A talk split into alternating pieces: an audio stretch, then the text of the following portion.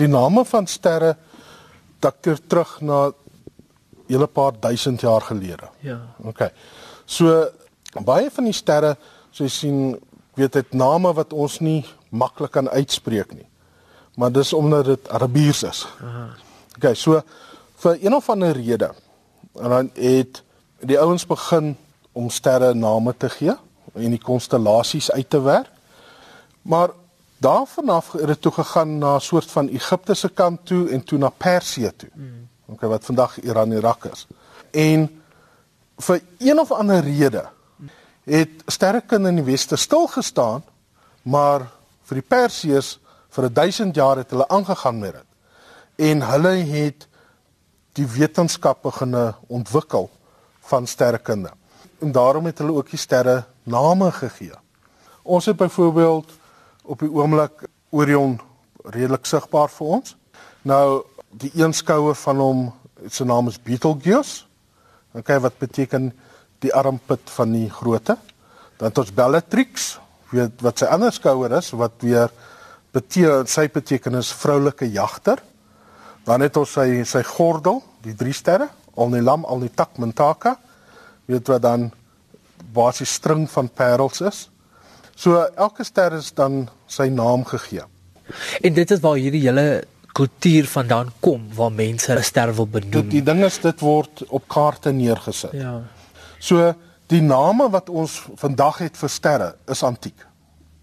OK, so ons kry nie nuwe name vir sterre nie. Okay. En dan natuurlik weet soos die ouens nou maar begin het dinge klassifiseer het, het hulle begin met ander stelsels.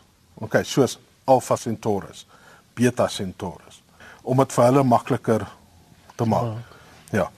Weet so so Alpha Centaurus is ook bekend as Rigel Kent. So jy kan sien dat een ster het het 'n paar offisiële Ja. uh, name. Wat is hierdie so te sê besigheid van sterre koop? Baie mense val in die in die struik van dat jy kan jou naam op 'n ster sit en selfs op ander planete en sulke goed. OK, baie van dit is 'n foefie. Wat gebeur is jy gaan na 'n maatskappy toe, die maatskappy sê vir jou, OK, gee vir my um 50 dollar of 100 dollar, 120 dollar en so gaan dit die pryse aan, dan kry jy fancier sertifikate. Net een instansie benoem die naghemelruim en dit is die internasionale astronomiese unie. Die enigste ding as wat na mens vernoem word is as jy 'n komeet ontdek. Okay, dan word die komeet na jou vernoem of as jy of dalk van die asteroïdes word na mense vernoem. Um of byvoorbeeld kraters op die maan word na mense vernoem, maar gewoonlik is dit maar lank na hulle dood is. Nou, wanneer dit kom by sterre koop of jou naam bester of so iets, baie van dit is regtig gefoefie. Die probleem is dat weet daar's miljoene sterre daar buite.